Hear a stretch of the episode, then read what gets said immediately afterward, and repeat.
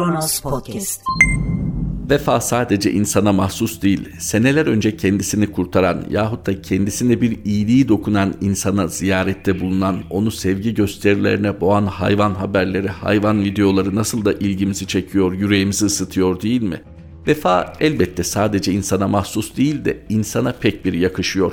Çünkü hayvandan pek de vefa beklemeyiz ama insandan vefa bekleyip göremediğimizde yani vefasızlığa uğradığımızda kalbimiz kırılır. Bunun böyle olmaması için bir fincan kahvenin 40 yıl hatrından söz edilir. Hele bir de birlikte çekilen çilelerin, göğüs gerilen zorlukların. Vefalı olmak iyidir, hoştur, insana yakışır da vefanızı kamu kaynaklarını yahut da bulunduğunuz konumun size tanıdığı bir takım ayrıcalıkları kullanarak gösteriyorsanız ciddi bir soru işareti uyanır. Vefalı olduklarınız da dikkat çeker. Kim bunlar? Okul arkadaşlarınız, mahalle arkadaşlarınız, hapishane arkadaşlarınız. E sormazlar mı üniversite arkadaşlarınıza niçin hiç vefa göstermiyorsunuz diye. Merhaba 4 Haziran 2021 Cuma günün tarihi ve Kronos Haber'de Kronos günden başlıyor. Çamlıca Kulesi'ndeki restoran ihalesiz Erdoğan'a yakın Yeşildağ'ın.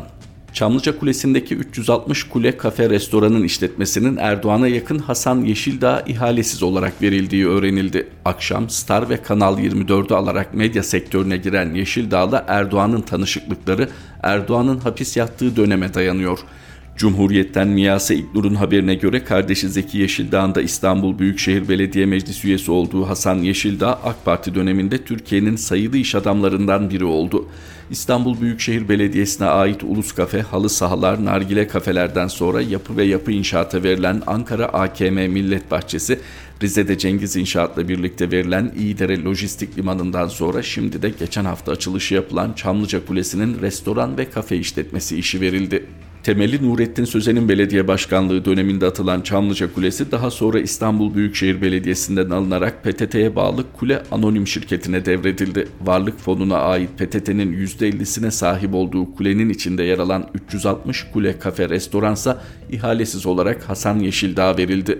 Erdoğan'ın İstanbul Büyükşehir Belediye Başkanı olduğu dönemde Ulus Kafe'nin işletmesini alan Yeşildağ daha sonra Kuru Çeşme'de birçok kafenin sahibi oldu. Bu arada enerji işine de giren Yeşildağ ailesi Kaset Enerji Anonim Şirketi'nden sonra medya sektörüne de girerek Etem Sancak'a ait Star, Akşam ve Kanal 24'ü satın aldı. Çamlıca Kulesi'ndeki restoran ve kafe işletmesinin ihalesine ilişkin PTT'nin açtığı herhangi bir ihale ilanına rastlanmıyor. Sayıştay denetiminin dışında olan Kule Anonim şirketindeki kafe ve restoranda bir kase çorba 24 lira, iki kişilik kahvaltı 180 lira, ızgara köfte 62 lira, çay 10 liradan satılıyor. Hasan Yeşildağ kamuoyu belediye başkanlığı döneminde hapis cezası alan Cumhurbaşkanı Recep Tayyip Erdoğan'a hizmet edebilmek için sahte çek suçu işleyerek Pınarhisar cezaevine giren dostu olarak tanıdı. Hüseyin Besti ve Ömer Özbay tarafından kaleme alınan Recep Tayyip Erdoğan Bir Liderin Doğuşu isimli kitapta Erdoğan'ın hapishanede öldürüleceği istihbaratını aldıktan sonra Hasan Yeşildağ'ın yaptıkları aldığı bilgiyi ilk olarak İstanbul Büyükşehir Belediye Meclisi üyesi olan kardeşi Zeki Yeşildağ'la paylaştı. Ne gibi önlemler alabileceklerini gözden geçirirken Zeki kestirip attı. Abi uzatmaya gerek yok Tayyip Bey'le beraber sen de gireceksin cezaevine şeklinde anlatılıyor. Vefa insana yakışır kesin fakat vefa gösterirken kimin kesesinden vefalı olduğunuz da önemli insanlara, arkadaşlarınıza, eski ahbaplarınıza vefa hissi duyduğunuz her kimse vefalı olurken acaba tamamen kendinizi bağlayacak kaynaklardan mı bu vefayı gösteriyorsunuz yoksa başkaları adına mı tasarrufta bulunuyorsunuz? Mesela kamuya ait bir kurumun %50'sini başında bulunduğunuz bir fona aktardıktan sonra fonda Sayıştay denetiminde değilse fon çatısı altında bulunan her türlü maddi değeri istediğiniz gibi tasarruf edebilir misiniz? Gerçekten iyi insandır, hak ediyordur ayrı mesele. Fakat buna siz mi karar verirsiniz yoksa o birikimi sağlayan kamu mu, kamu adına yetkili kılınanlar mı? Neden ihalesiz? İhale olduğu takdirde kamunun bu işten biraz daha karlı çıkacağı kesin değil mi? O halde niçin kamunun çıkarını, kamunun menfaatini gözetmiyorsunuz da vefa hissiyle dolu olduğunuz arkadaşlarınızın çıkarını gözetiyorsunuz. Bulunduğunuz konum buna mani değil mi? Yani sizin öncelikli olarak kamunun hakkını gözetmeniz gerekmiyor mu? Ve tabii ki bir de vefa gösterilecekler listemiz var. Köken itibariyle Doğu Karadeniz tamam. İnsan memleketini sevmez mi? Memleketlerini de sevebilir. Ama bir de biliyorsunuz Kasımpaşa kısmı da var. Çocukluğun, delikanlılığın geçtiği dönemden Kasımpaşalılara duyulan bir vefada var. Yani çocukluk arkadaşları, gençlik arkadaşları ve hapishane arkadaşları. Hani hapishane arkadaşları derken bir 20-30 seneden Allah muhafaza böyle bir şeyden bahsetmiyoruz. 4 aylık bir Pınarhisar macerasında ki nasıl olduğunu artık cümle alem biliyor. Edinilen arkadaşlar var. Bir de o süreçte kendisini terk etmeyenler var. Hasan Yeşildağ gibi. Hatta o süreçte kendisini ziyaret edene dahi çok vefalı davrandığı biliniyor Cumhurbaşkanı Sayın Recep Tayyip Erdoğan'ın. Fakat akla yine işte o soru geliyor. Üniversitede hiç mi vefa göstermek istediğiniz bir arkadaşınız olmadı? Hiç mi iyi dostluklar kurmadınız? Hani hiç mi denk gelmedi kameraların olduğu bir ortamda bir ziyarette bu da benim üniversiteden arkadaşım diyeceğiniz biri şu ana kadar denk gelmedik. Estağfirullah diploma sorgusu yaptığımız düşünülmesin. Sadece vefadan bahsederken aklımıza geldi. Yok muydu üniversitede şöyle vefa gösterilecek bir arkadaşınız? Venezuela'daki Türk iş insanları da yalanladı. Bize maske ya da test kiti ulaşmadı. Hatırlayacaksınız eski başbakan, eski Türkiye Büyük Millet Meclisi Başkanı Binali Yıldırım hali hazırda AK Parti Genel Başkan Vekili demişti ki oğlum Erkam Yıldırım Venezuela'ya gitti ama bir sorun niye gitti? Oraya maske ve test kiti götürmeye gitti. Yani sağlık malzemeleri götürmeye gitti.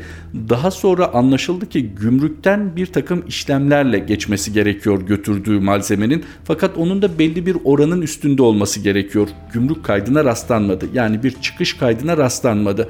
Hemen Abdülkadir Selvi Hürriyet gazetesi yazarı devreye girdi ve dedi ki yanında götürdü. Bir insan yanındaki iki bavula kaç maske, kaç test kiti sığdırabilir ki bir ülkeye yardım olarak götürsün? Vatikan'a mı götürüyorsunuz? Hani Vatikan'a iki bavulla gitseniz bir kıymeti olur diyelim ama Venezuela'dan bahsediyoruz. Hani yanınızda taşıdığınızın ederi en azından bilet paranızdan daha çok olmalı ki Venezuela halkı da sağ olsun Türkiye bize destek oldu desin. Peki böyle mi oldu? Böyle olabilir.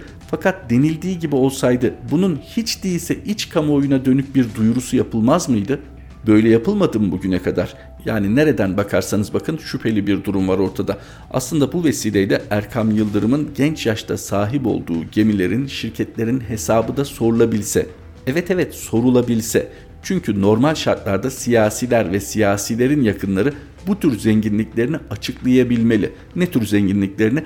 Babalarının, eş dost akrabalarının siyasete girdikten sonra edindikleri zenginlikleri her şey yasal olabilir. Yani Erkam Yıldırım'ın parasına haram karışmıştır böyle bir imamız yok. Meşru yollardan kazanmış olabilirsiniz. Fakat bu meşru yolların açılması kolaylaştırılmış olabilir mi acaba babanız tarafından? Çok basit. Senelerce ulaşım sektörünün en başındaki isim olarak herhangi bir ihaleye girmeden önce bir telefonu işleri kolaylaştırmaz mı? Yahut da bir ihalenin ne zaman yapılacağı, hangi şartları taşıyacağının haber verilmesi bile pek çok kapının açılmasını kolaylaştırmaz mı? Neticede bu tür konularda bilgi hemen her şeyden daha pahalıdır. Yine altını çizelim. Bakın bu böyledir. Kesinlikle yasa dışı bir durum vardır. Hatta bırakın ahlak dışı bir durum vardır dahi demiyoruz. Ama bunun zihinlerde hiç şüphe uyandırmayacak şekilde hesabının verilebilir olması gerekmez mi? Denilebilir ki hangi şaibe vardı da dava açılmadı, soruşturulma istenmedi. Türkiye'deki ortamdan bahsediyoruz tam da Man Adalarını hatırlayın. Man Adaları ile ilgili ciddi iddialar ortaya atıldı. Ana Muhalefet Partisi Genel Başkanı yani aslında halkın bu işleri soruşturmakla görevlendirdiği şahıs bu sebepten tazminat ödedi. Yani konunun gerekli ayaklarında sorun var bir yerde. Yani bir değil birkaç ayakta problem var. Diyelim bu zenginliğe erişmede hiçbir sorun yok. Ama yine de soru işaretleri anlamlıdır. Bunun araştırılabilmesi için ve neticeye ulaştırılabilmesi için bu araştırmaların yargının bağımsızlığı şarttır. İşte sorun burada. Yargı kadar medyanın bağımsızlığı da gereklidir ki geleceğiz ona. Özetle şunu söyleyelim. Sayın Yıldırım oğlunun yerine konuşarak dedi ki oğlum Venezuela'ya sağlık ekipmanı götürdü. Hayır amaçlı gitti. İnsanlar da doğal olarak merak ediyor ne zaman ne kadar götürdü çünkü gümrük çıkışına rastlanmadı. Abdülkadir Selvi'nin savunması ise maalesef kendine güldürmekten başka bir işe yaramadı. Sencar Peker videolarından AKP seçmeninin yarısının haberi yok. Metropol Araştırma Şirketi'nin yöneticisi Özer Sencar'ın açıklamalarına yer veriyor Kronos Haber. Son derece çarpıcı değil mi? Düşünün Türkiye'de mevcut Cumhurbaşkanlığı hükümet sisteminde %50 artı bir oy iktidarı değiştirebiliyor, iktidarı belirleyebiliyor. Böyle bir ortamda şu an iktidar partisi olan Adalet ve Kalkınma Partisi'ne oy verenlerin yarısının Sedat Peker'in açıklamalarından haberi yok. Sedat Peker kim? Bir organize suç örgütü lideri deyip geçemiyoruz maalesef. Devlet kayıtlarında öyle yer alsa da Sedat Peker mevcut Cumhur İttifakı'yla yol yürümüş bir insan, ciddi işbirliklerinde bulunmuş bir insan, onlar için miting düzenleyip oy istemiş bir insan, onlar için birilerini tehdit etmiş bir insan, kendi ifadeleriyle de zaten onlar için açıklanması gereken pek çok karanlık iş yapmış bir insan. Peki Sedat Peker aralarındaki ortaklık bozulunca yahut da çok ciddi bir yol ayrımına gelince gerek kendi şahsi sebepleriyle işte ailesine yapılan zulüm sebebiyle gerekse tekrar pozisyonunu kurtarabilme gerekçesiyle yahut da bilemediğimiz başka bir gerekçeyle şu an geçmişte olan önemli meseleleri gün ışığına çıkarıyor ve birinci elden gerek yaşadıklarıyla gerek şahit olduklarıyla gerekse duyduklarıyla Peki sadece siyasetin değil devletin gidişatını da etkileyecek bu açıklamalardan toplumun tamamı haberdar olabiliyor mu? İşte Metropol Araştırma Şirketi'nin ortaya koyduğu gerçek. AK Parti seçmeninin yarısının Sedat Peker'in söylediklerinden haberi yok. Ne önemi var diyemiyoruz. Aşama aşama gidelim. Her şeyden önce nasıl olur da iletişim çağı diyebileceğimiz artık dijital teknolojinin iletişimin hemen her sahasında var olduğu böyle bir dönemde nasıl olur da insanlar bu konudan haberdar olmazlar? Yani kendilerini tamamen kapatmış olmaları gerekir. Bu kadar insanın cep telefonu kullanmadığını, cep telefonu kullananların da akıllı telefon kullanmadığını söyleyebilir miyiz? Hayır. Ne kadar yaygın olduğunu biliyoruz. Peki böyle bir ortamda hadi televizyonları, gazeteleri ıskaladılar. Nasıl olur da akıllı cihazları üzerinden bu haberleri alamıyorlar sorusu önemli. Eğer sosyal medyada aktif değillerse yahut da sosyal medyada aktif olanlarla etkileşim halinde değillerse günlük hayatlarında bu anlaşılabilir. Neden? Çünkü konvansiyonel medya dediğimiz geleneksel medyanın kimin kontrolü altında olduğunu gayet iyi biliyoruz. Hızlıca hatırlatalım mı? Cem Uzan dönemine gidelim hatta. Cem Uzan sadece Genç Parti'yle mi bir tehditti? Acaba sadece Genç Parti'nin siyaset sahasındaki varlığı mı rahatsız etti? O gün cevaplanması gereken sorulardı belki. Fakat o güne baktığımızda şöyle bir sonuç görüyoruz. Cem Uzan ve şirketleriyle ilgili yürütülen soruşturmalarda olmaması gereken bir netice vardı. Çünkü yasada belirtiliyor olmasına rağmen bir basın yayın kurumunun basın yayın araçlarına el konulamayacağı, suçlama ne olursa olsun el konulamayacağı belirtilmesine rağmen bırakın basın yayın araçlarını bütün basın yayın kurumuna el konulduğunu görüyoruz. Cem Uzan vakası münferit bir vakaydı derseniz Mehmet Emin Kara Mehmet'i hatırlatırız. Tarih itibariyle ona en yakın ve bu durumu teyit eden gelişmede Mehmet Emin Kara Mehmet ve grubunun başına gelenlerdi. Ondan sonra baktığımızda artık gücü hisseden iktidar daha farklı yöntemler kullanmaya başladı. Daha doğrusu o kadar dikkatli davranmamaya başladı. Artık alenen gasp etmeye başladı kanunda asla yeri olmayan bir şekilde basın yayın kurumlarına el koydu. Gruplar el değiştirdi. Bir kısmı kapatıldı, bir kısmı el değiştirdi, bir kısmı mahiyet değiştirdi. Etkinlikleri ya ortadan kaldırıldı ya da en aza indirgendi. Bir taraftan da zaten ya bu medya grupları iktidara yakın isimlere geçti yahut da iktidara yakın isimler yeni medya gruplarıyla ortaya çıktı. Fakat neticede iktidarın büyük oranda yönetebildiği, yönetemiyorsa yönlendirebildiği bir medya tablosu çıktı. Türkiye'de Adalet ve Kalkınma Partisi ki iktidar partisi Türkiye'nin şu an en yüksek oy oranına sahip partisi o partinin seçmeninin yarısı Sedat Peker'in ifşaatından habersiz. Sedat Peker ki iktidar partisiyle yol yürümüş, çok ciddi karanlık işlere imza atmış. Bugünkü ifşaatıyla da kendisinin teyit ettiği işte bu ismin açıklamalarından partinin seçmeninin yarısının haberi yok. Yani boşuna değilmiş, boş bir güç gösterisi değilmiş medyayla bu kadar uğraşılması. Objektif gazetecilik yahut da işte medyanın objektifliğinden söz edilir ya bu çok da üzerinde durulması gereken bir konu değil. Demokrasinin sıhhatli yürüyebilmesi için medyanın objektifliğinden çok bağımsızlığına ihtiyacımız var. Yani kimse objektif olmayabilir. Herkes bir taraf tutabilir. Bunda bir sorun yok. Ama hangi tarafı tutarsa tutsun herkesin özgürce hareket edebilmesi tabii ki yasalar çerçevesinde bunun sağlanması gerek iktidar adına iktidara puan kazandıracak her söze izin verilirken muhalefetin susturulması yahut da ille de siyasi anlamda değil muhalif görüşlerinin sivil toplum kuruluşları da dahil susturulması, sesinin kısılması objektiften çok tarafsızlığa ihtiyaç duyduğumuzun en önemli göstergesi. Olanların tesellisi mi sayarsınız yahut zamanın ruhu mu dersiniz fakat konvansiyonel medyanın bu kadar sıkı kontrol altında tutularak haberlerin, haberin verilme biçiminin, seçilen sözcüklerin dahi süzgeçten geçirildiği bir ortamda sosyal medya son derece önemli. Sosyal medya bu gidişi değiştirir mi? Belki çok kısa vadede değil ama bir şeyleri değiştirmeyeceğini düşünmek de eşyanın tabiatına aykırı. Interpol Gülen cemaatine ilişkin 773 kırmızı bülten talebini reddetti. Bu ne demek? Türkiye Cumhuriyeti Devleti Interpol'e Gülen cemaatine ilişkin 773 en az kırmızı bülten talebinde bulundu demek. Ekleyelim, futbolda şike davasında Hidayet Karaca'ya 1406 yıl hapis cezası kararı. Ve bu başlıklara ilaveten Kırgızistan'ın başkenti Bişkek'te de Orhan İnandı isimli bir eğitimci kaçırıldı ve günlerdir insanlar Türkiye Büyükelçiliği önünde Orhan İnandı ile ilgili bir haber bekliyorlar. Eşi Reyhan İnandı basın açıklaması yaptı. Eşimin sağlığından endişe ediyorum, işkence edilmesinden endişe ediyorum dedi. Tüm bunları düşündüğümüzde şimdi soralım. Türkiye Cumhuriyeti Devleti Sayın Cumhurbaşkanı'nın kritik dönemlerde vurguladığı itibar konusunda gerçekten istediği yerde mi? Yani dünyada eğitimci kaçıran, öğretmen kaçıran istihbaratıyla mı anılmak istiyor? Bir şike davasında ilgisiz bir şahsa 1406 yıl hapis cezası kararı vermesiyle mi anılmak istiyor? Yoksa Interpol'den 773 kırmızı bülten talebinin reddiyle mi anılmak istiyor? Burada Türkiye Cumhuriyeti'ni yöneten bir akıl varsa yani hali hazırda akılla yönetiliyorsa bu ülke şapkayı önüne koyup düşünmesi gerekmiyor mu? Biz ne yapıyoruz? Neyi eksik yapıyoruz? 1 değil, 2 değil, 3 değil, 10 değil, 100 değil. 773 kırmızı bülten talebimizi reddediyor. Biz yasal yollardan isteyemediğimiz için öğretmenleri kaçırıyoruz. Bakın altını çizelim. Eğitimcileri kaçırıyoruz başka ülkelerden. Nasıl bir itibar bekliyorsunuz gerçekten dünyada? Son kaçırma Kırgızistan'da da kalmadı. Kırgızistan'ın başkenti Bişkek'te 1 Haziran'da kaçırılan öğretmen Orhan İnandı için Chicago'da özgürlük zinciri kuruldu. Mezunlardan 1 milyon dolarlık ödül var ve Aytmotov'un oğlu ve kız kardeşinden de destek. Orhan İnandı için buradayız hashtag ile sosyal medyada etkinlik yürütüyor insanlar. Tek dertleri Kırgızistan'ın başkenti Bişkek'te kaçırılan Orhan İnandı'nın ortaya çıkarılması.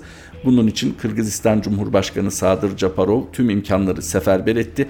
Kırgız Meclisi'nde konu gündeme getirildi ve İçişleri Bakanlığı'ndan bir açıklama beklendiği söylendi milletvekilleri tarafından.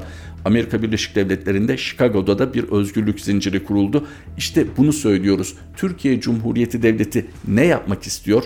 14 Haziran'da Joe Biden'la görüşecek Cumhurbaşkanı Recep Tayyip Erdoğan. Masaya bunlar konulduğunda ne diyecek? Evet siz kabul etmeseniz de bu insanlar terörist mi diyecek?